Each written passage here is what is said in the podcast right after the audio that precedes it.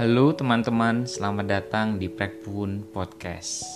Ini sebuah podcast yang dibuat oleh rekan-rekan hamba Tuhan, pendeta dan pengerja GKI Peregulan Bunder yang diharapkan dapat menolong rekan-rekan untuk merenungkan firman Tuhan, mengerti firman Tuhan lebih dalam, dan terlebih mengasihi Tuhan semakin hari semakin lebih sesuai dengan kehendak Tuhan. Nah, di episode yang pertama ini teman-teman akan belajar tentang ratapan 3 COVID-19 dan apa yang perlu kita perhatikan di masa-masa yang sulit ini.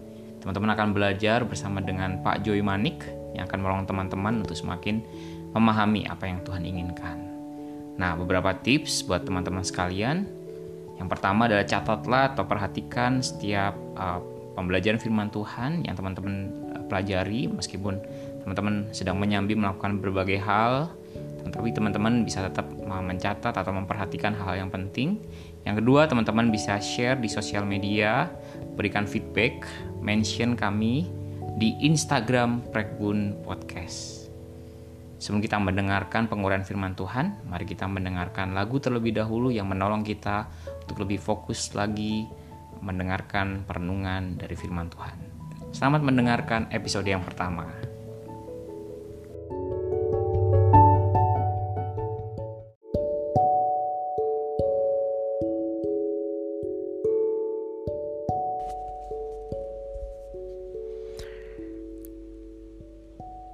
Shalom teman-teman pendengar. Berjumpa dengan saya Joy. Kali ini kita akan berbagi dan membicarakan sedikit tentang firman Tuhan. Ini adalah hari yang kesekian mungkin kita ada di uh, suasana yang tidak seperti biasanya. Saya tidak tahu dengan Anda sekalian di rumah Kita semuanya hari ini uh, mencoba untuk melakukan sebuah perubahan uh, dengan sebuah harapan bahwa uh, COVID-19 ini, coronavirus ini bisa cepat uh, tertangani dengan baik. Dan salah satunya adalah dengan kita stay at home, kita tinggal di rumah dan mengurangi interaksi dengan orang-orang uh, di sekitar supaya mengurangi juga kemungkinan tertular atau menularkan COVID-19 ini. Tapi apa pun itu kita percaya bahwa manusia selalu akan mengalami perubahan di dalam hidupnya dan perubahan demi perubahan, perubahan yang kita jalani uh, biasanya menimbulkan ketakutan. Karena perubahan ada yang kita bisa prediksi, tapi ada hal yang tidak kita bisa prediksi. Seperti halnya kali ini, kita tidak pernah berpikir sebelumnya akan sampai sebegitu mencekamnya kondisinya, tetapi kita percaya satu hal bahwa di tengah-tengah kesulitan apa pun, Tuhan tetap berdaulat uh, Tuhan tidak pernah berubah walaupun kondisi manusia dan dunia ini semakin berubah dan perubahan demi perubahan yang terjadi seharusnya membuat kita sadar bahwa kita harus bersandar kepada Tuhan yang tidak pernah berubah. Kali ini kita akan uh, bicarakan tentang satu bagian firman Tuhan yang diambil dari kitab Ratapan pasalnya yang ketiga. Saya tidak akan membaca keseluruhan ayatnya, tapi beberapa bagian yang menjadi penekanan. Pasal 3 ayat yang pertama dikatakan demikian. Akulah orang yang melihat sengsara disebabkan cambuk murkanya, yang menghalau dan membawa aku ke dalam kegelapan yang tidak ada terangnya. Kalau kita membaca uh, ayat demi ayat seterusnya di dalam pasal 3 ayat 3 sampai dengan ayatnya yang ke-20 kita akan melihat Nabi Yeremia sedang meratap dengan sungguh. Seakan-akan pasal 3 menjadi klimaks ketika Yeremia tak lagi bisa tahan melihat apa yang terjadi di dalam kondisi bangsa Israel saat itu. Keterpurukan yang amat dahsyat yang terjadi. Mereka kesulitan makan dan minum. Mereka ada di dalam pembuangan. Bahkan mereka tidak dapat lagi uh, beribadah kepada Tuhan karena bait Allah sudah dihancurkan saat itu. Dan pada saat yang sedemikian, Yeremia meratap dan berkata kepada Tuhan, "Aku melihat sengsara disebabkan cambuk murkanya." Dan dalam penjelasan ayat yang seterusnya dikatakan bagaimana Yeremia mengalami uh, dan merasakan penderitaan yang juga dialami oleh seluruh bangsa itu. Tetapi yang menarik adalah di ayat yang ke-21 Yeremia mengganti suasana kalimat dan perasaan dan pikirannya dan mengatakan demikian. Ayat 21, tetapi hal-hal inilah yang kuperhatikan. Oleh sebab itu aku akan berharap. Tak berkesudahan kasih setia Tuhan, tak habis-habisnya rahmatnya, selalu baru tiap pagi, besar kesetiaanmu. Tuhan adalah bagianku, kata jiwaku, oleh sebab itu aku berharap kepadanya. Sudah sekalian di dalam ayat yang ke-21 dan seterusnya, Yeremia memberikan sebuah kalimat pengharapan di tengah-tengah keterpurukan bangsa itu. Yeremia memberikan sebuah pengharapan yang baru, seakan dia terbangun dari sebuah mimpi, terbangun dari sebuah kejatuhan yang amat sangat, dan dia melihat Tuhan di tengah-tengah kesulitan dan penderitaan. Kata yang dipakai di dalam bagian ini menarik sekali karena dalam pasal 3 ayat yang pertama, Yeremia mengatakan, "Akulah orang yang melihat." Kata melihat di sana dipakai untuk menunjukkan bahwa Yeremia melihat dengan mata jasmaninya. Dia melihat ke kiri dan ke kanan, ke depan dan ke belakang. Dia melihat begitu banyak tangisan. Dia melihat begitu banyak air mata. Dia melihat anak-anak dia melihat bapak dan ibu yang satu dengan yang lain berpelukan dan mungkin kesulitan untuk bisa makan, kesulitan untuk bisa beribadah, kesulitan untuk bisa berinteraksi satu dengan yang lain. Tetapi di dalam ayat yang ke-21, Yeremia mengatakan tetapi hal inilah yang kuperhatikan. Saudara sekalian pendengar, kata melihat dan kata memperhatikan memberikan pesan yang sangat jelas buat kita. Artinya adalah ketika kita melihat sesuatu, kita belum tentu memperhatikan apa yang kita lihat. Ada banyak hal yang kita lihat, tapi kita lupakan karena mungkin kita tidak memperhatikan karena kita merasa itu tidak terlalu penting buat kita lihat dan kita perhatikan dengan sungguh. Tetapi dalam bagian ini, kata memperhatikan lebih dalam lagi, mengatakan kepada kita sebuah pesan bahwa lihatlah apa yang tak dapat dilihat dengan mata jasmanimu, tetapi lihatlah dengan mata rohanimu melihat beyond, melampaui dari apa yang bisa dilihat oleh mata jasmani. Sudah sekalian inilah yang dikatakan iman. Bahkan iman bagaikan sebuah sauh atau jangkar yang memegang kita untuk tetap kuat di dalam Tuhan. Kita melihat Tuhan tak nampak dengan mata jasmani, tapi bukan berarti dia tak pernah hadir di dalam kehidupan kita. Kita sering kali mengabaikan Tuhan, padahal di balik semua hal yang kita kerjakan dalam dunia ini Tuhan hadir di sana. Tak terkecuali ketika hal yang buruk di mata manusia pun terjadi. Tuhan tak pernah tertidur dan tak pernah terlelap. Inilah yang ingin disampaikan saudara sekalian oleh Nabi Yeremia. Di tengah-tengah kesulitan, sesulit apa pun, kita bisa memperhatikan bagaimana kasih setia Tuhan demikian nyata di dalam perjalanan hidup kita ini. Saudara-saudara pendengar pada hari ini, mari kita coba merenungkan satu bagian dalam kehidupan kita. Saat kita ada di rumah bersama dengan pasangan, suami, istri, atau anak-anak kita, kita mulai merenungkan apa arti hidup yang sesungguhnya.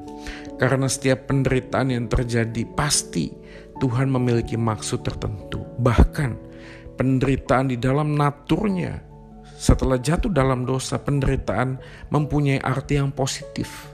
Tidak selalu penderitaan bermakna jahat. Karena di dalam Roma pasal 5 dikatakan, bahkan kita pun yang ada di dalam Kristus Yesus bisa bermegah di dalam penderitaan kita. Karena setiap penderitaan menimbulkan ketekunan, dan ketekunan menimbulkan tahan uji, dan tahan uji menimbulkan pengharapan, dan pengharapan tak pernah mengecewakan karena kasih Allah telah dicurahkan kepada kita. Saudara sekalian, penebusan Kristus menjadi jawaban di dalam kehidupan ini kalau kita bisa memperhatikan bagaimana Kristus menjalani semua perjalanan hidup dari dia lahir sampai dia mati di atas bukit Golgota, tak satu pun rasanya seakan-akan ada sebuah bagian yang penuh dengan kesenangan. bahkan satu de, satu bagian kehidupan demi satu bagian kehidupan lainnya. Kristus rela menderita demi sebuah bagian yang diperjuangkan yaitu untuk rekonsiliasi kita dengan Tuhan. Relasi kita dengan Tuhan menjadi jaminan yang harus kita perhatikan sehingga kita bisa melihat sungguh kasih setia Tuhan tak pernah berkesudahan. Saudara-saudara yang dikasih oleh Tuhan, di dalam kondisi yang seperti ini, ada baiknya kita mulai memikirkan tentang apa hal yang kita bisa perhatikan. Mungkin kita perlu refleksi kehidupan kita hari lepas hari. Bu, benarkah kita sedang hidup bagi Kristus Tuhan kita? Benarkah apa yang kita kejar tak semata apa yang kelihatan dengan mata jasmani? Karena sejujurnya ada banyak hal yang tak kelihatan, tapi tidak pernah kita perhatikan, dan nilainya jauh lebih penting, jauh lebih berharga ketimbang apa yang bisa kelihatan oleh mata. Di dalam satu bagian Rasul Paulus pun pernah mengatakan demikian. Walaupun tubuh jasmani kita semakin merosot, tetapi kiranya tubuh batinia kita semakin diperbaharui dari hari ke sehari. Mengapa demikian? Karena apa yang nampak bernilai sementara, tetapi apa yang tidak nampak justru bernilai kekal. Saudara-saudara yang dikasih oleh Tuhan, tidak hanya bagian ini yang akan saya bagikan, tetapi yang menarik adalah kalau kita terus membaca dalam bagian ini, maka kita akan menemukan satu kalimat yang menarik di ayat yang ke 39. Saya akan membacakan demikian. Ratapan pasal 3 39 dikatakan, "Mengapa orang hidup mengeluh? Biarlah setiap orang mengeluh tentang dosanya. Marilah kita menyelidiki dan memeriksa hidup kita dan berpaling kepada Tuhan."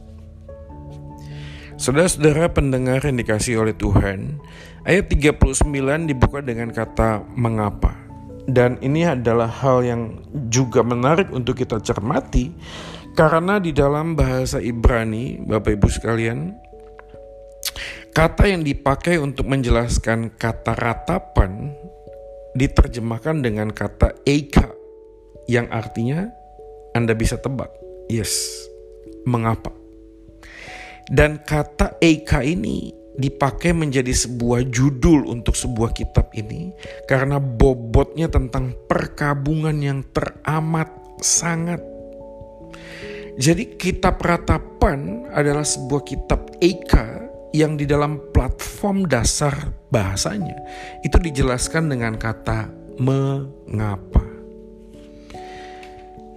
Saudara-saudara pendengar yang dikasih oleh Tuhan, Kata mengapa ini menjadi penting karena tidak semua hal kita selalu tanyakan mengapa. Dan bukan hanya itu, ketika kita bicara tentang sesuatu hal yang kita tanyakan mengapa, maka pada saat yang sama itu menjelaskan siapa diri kita. Dan bagaimana kita merespon tentang apa kata mengapa, itu menjadi sebuah tindakan yang nyata yang kita akan lakukan. Saya akan memberikan contoh yang sederhana seperti ini. Di dalam rumah saya ada beberapa bagian yang uh, ada, misalnya ada meja, ada juga kursi, ada tas, ada uh, laptop, ada handphone dan lain sebagainya. Di dalam rumah ini ada banyak hal yang rusak. Tetapi yang menariknya adalah saya sering kali mengabaikan hal tersebut. Tetapi ketika ada sesuatu hal yang rusak, saya lalu berkata, "Mengapa kok bisa rusak?" Misalnya contoh jam tangan atau handphone. Ada hal yang lain yang juga rusak. Yang kadang-kadang istri saya juga tanya, loh kok bang ini kenapa kok nggak diperbaiki? Dan saya mengabaikan hal yang rusak itu. Tapi ketika ada hal yang lain yang rusak, saya langsung merespon dengan berkata, mengapa ini bisa rusak? Artinya apa yang kita tanyakan tentang mengapa ini bisa rusak atau mengapa ini bisa berubah dan lain sebagainya, itu menunjukkan prioritas apa yang penting buat kita. Sehingga saya tidak pernah memperbaiki pintu atau kipas yang rusak mungkin, karena bagi saya itu tidak terlalu penting buat saya. Tapi ketika handphone saya rusak, saya bertanya mengapa. Dan ketika saya bertanya mengapa bisa rusak, lalu muncullah kalimat berikutnya, bagaimana kelanjutannya? Apakah kalau jam ini rusak saya biarkan? Atau saya harus perbaiki? Atau saya harus beli yang baru? Karena ada hal yang penting yang saya anggap penting, maka saya katakan, mengapa kok ini bisa rusak? Dan mendorong saya untuk melakukan sebuah tindakan. Bagaimana selanjutnya? Saudara yang dikasih oleh Tuhan, COVID-19 ini adalah penyakit yang mematikan.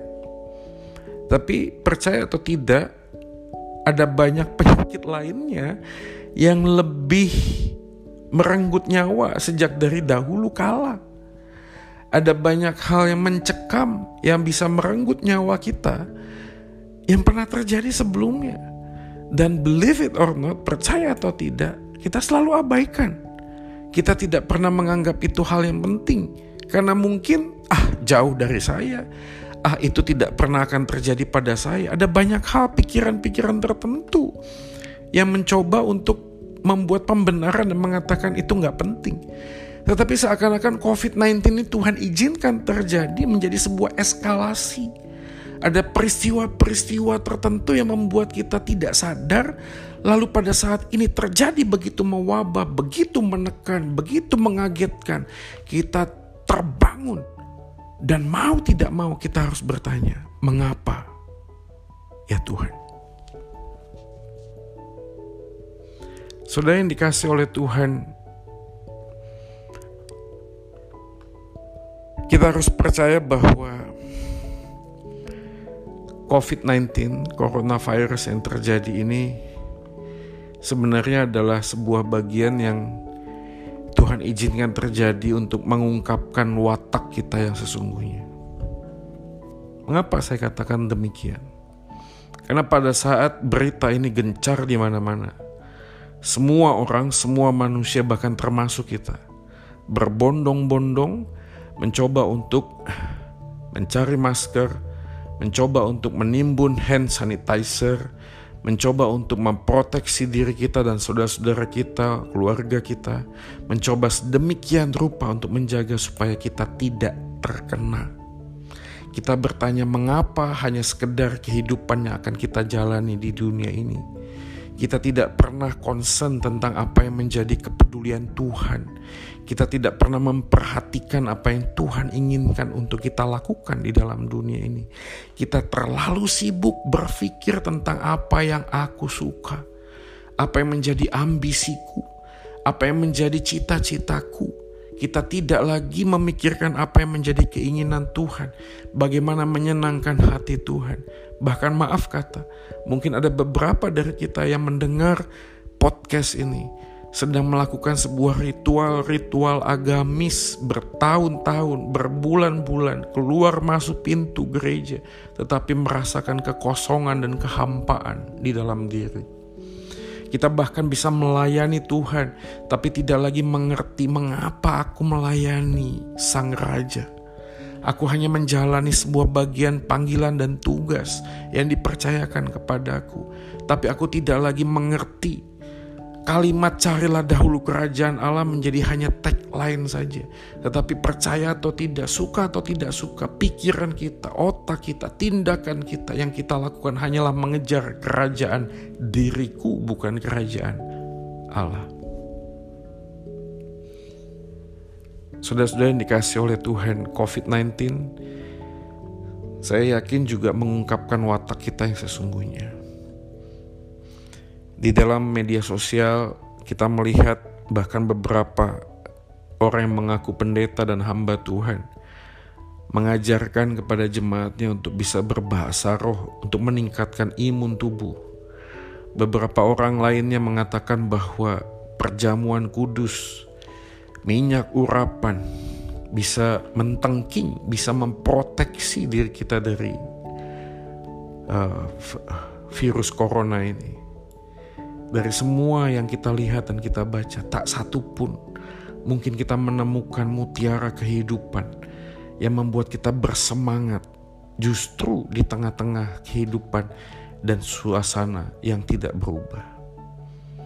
Bapak, Ibu, dan saudara pendengar, saya teramat yakin bahwa kasih setia Tuhan selalu nyata, karena kasih setia Tuhan tak hanya mengubah situasi yang buruk menjadi baik, tetapi Dia juga merubah sikap hati dan pikiran kita untuk melihat sesuatu yang buruk, tetapi tangan Tuhan yang baik ada di dalamnya.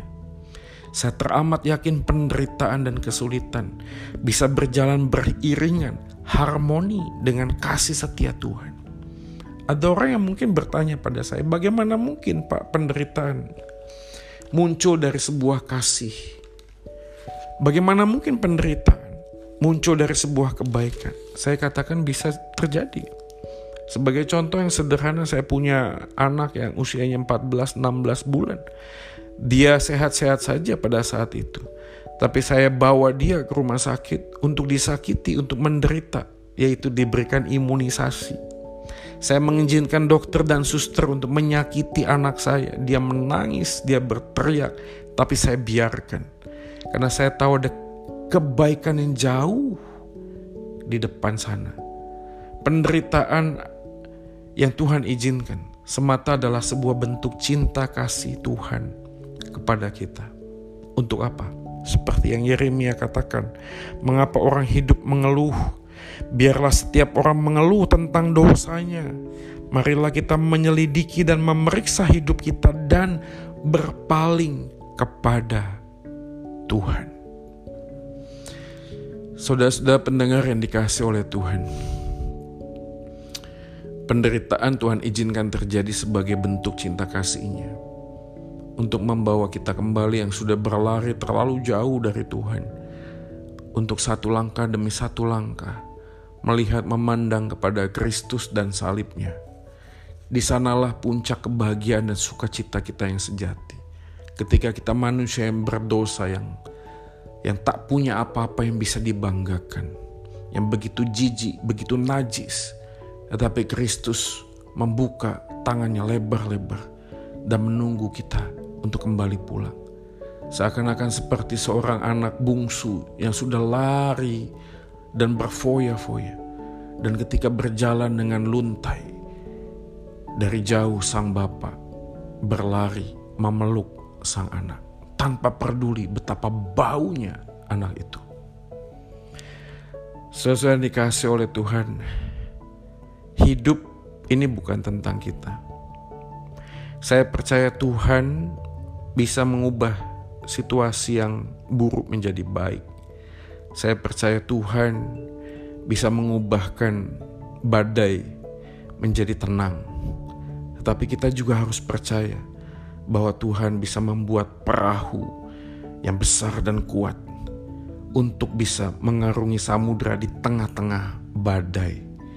Demikianlah halnya Tuhan, tidak membuat badai kadang-kadang surut, tapi justru memberikan kekuatan buat kapal dan perahu ini yang kita tumpangi semakin kuat untuk mengarungi samudera raya di tengah-tengah badai kehidupan yang sedang kita jalani. Saudara-saudara pendengar yang dikasih oleh Tuhan, inilah saatnya untuk kita semakin dat berpaling kepada Tuhan, semakin memandang ah, Yesus lebih indah, jauh lebih indah dan lebih indah lagi. Sama seperti Yeremia berkata, hal inilah yang kuperhatikan. Kasih setia Tuhan tak berkesudahan, selalu baru setiap pagi. Penderitaan adalah sebuah bagian untuk mencapai sebuah kemenangan. Dan inilah yang Kristus juga lakukan. Yesus rela menderita. Dia menderita ketika dia menjadi manusia, dicaci maki, dihina, dimahkotai mahkota duri, bahkan disalibkan dengan begitu sangat luar biasa mengerikan. Dia menjalani penderitaan, namun dia bangkit dan mengalahkan kuasa maut. Saudara-saudara pendengar, kalau masalah terbesar manusia itu dosa sudah selesai di atas kayu salib. Ketakutan terbesar manusia sudah selesai di atas kayu salib.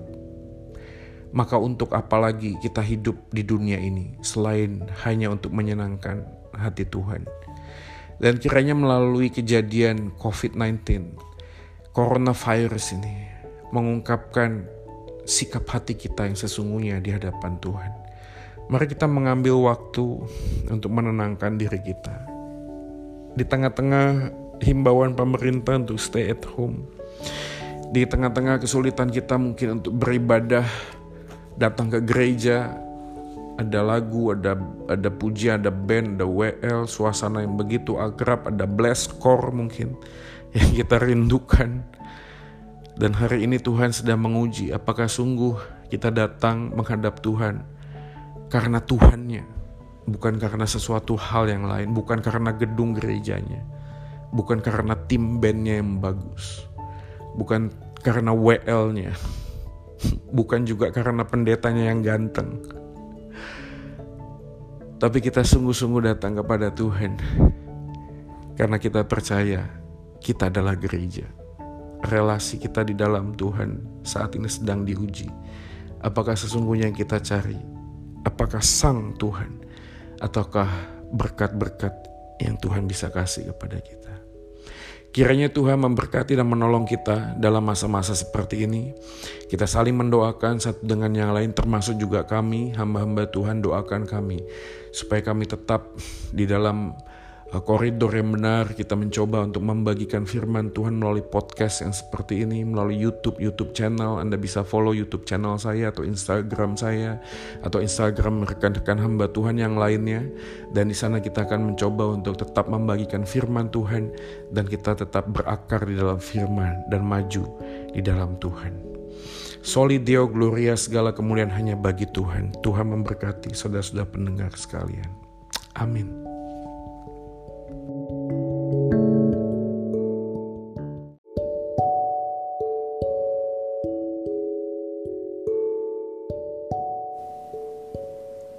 Demikian episode yang pertama ada bersama dengan Pak Joy Manik. Silakan teman-teman boleh share ke teman-teman yang lain. Teman-teman pendengar juga bisa mention di sosial media, follow Instagram Prekbun Podcast. Dan semoga podcast ini bisa jadi berkat dan doakan untuk episode-episode yang berikutnya. Tuhan berkati kita semua.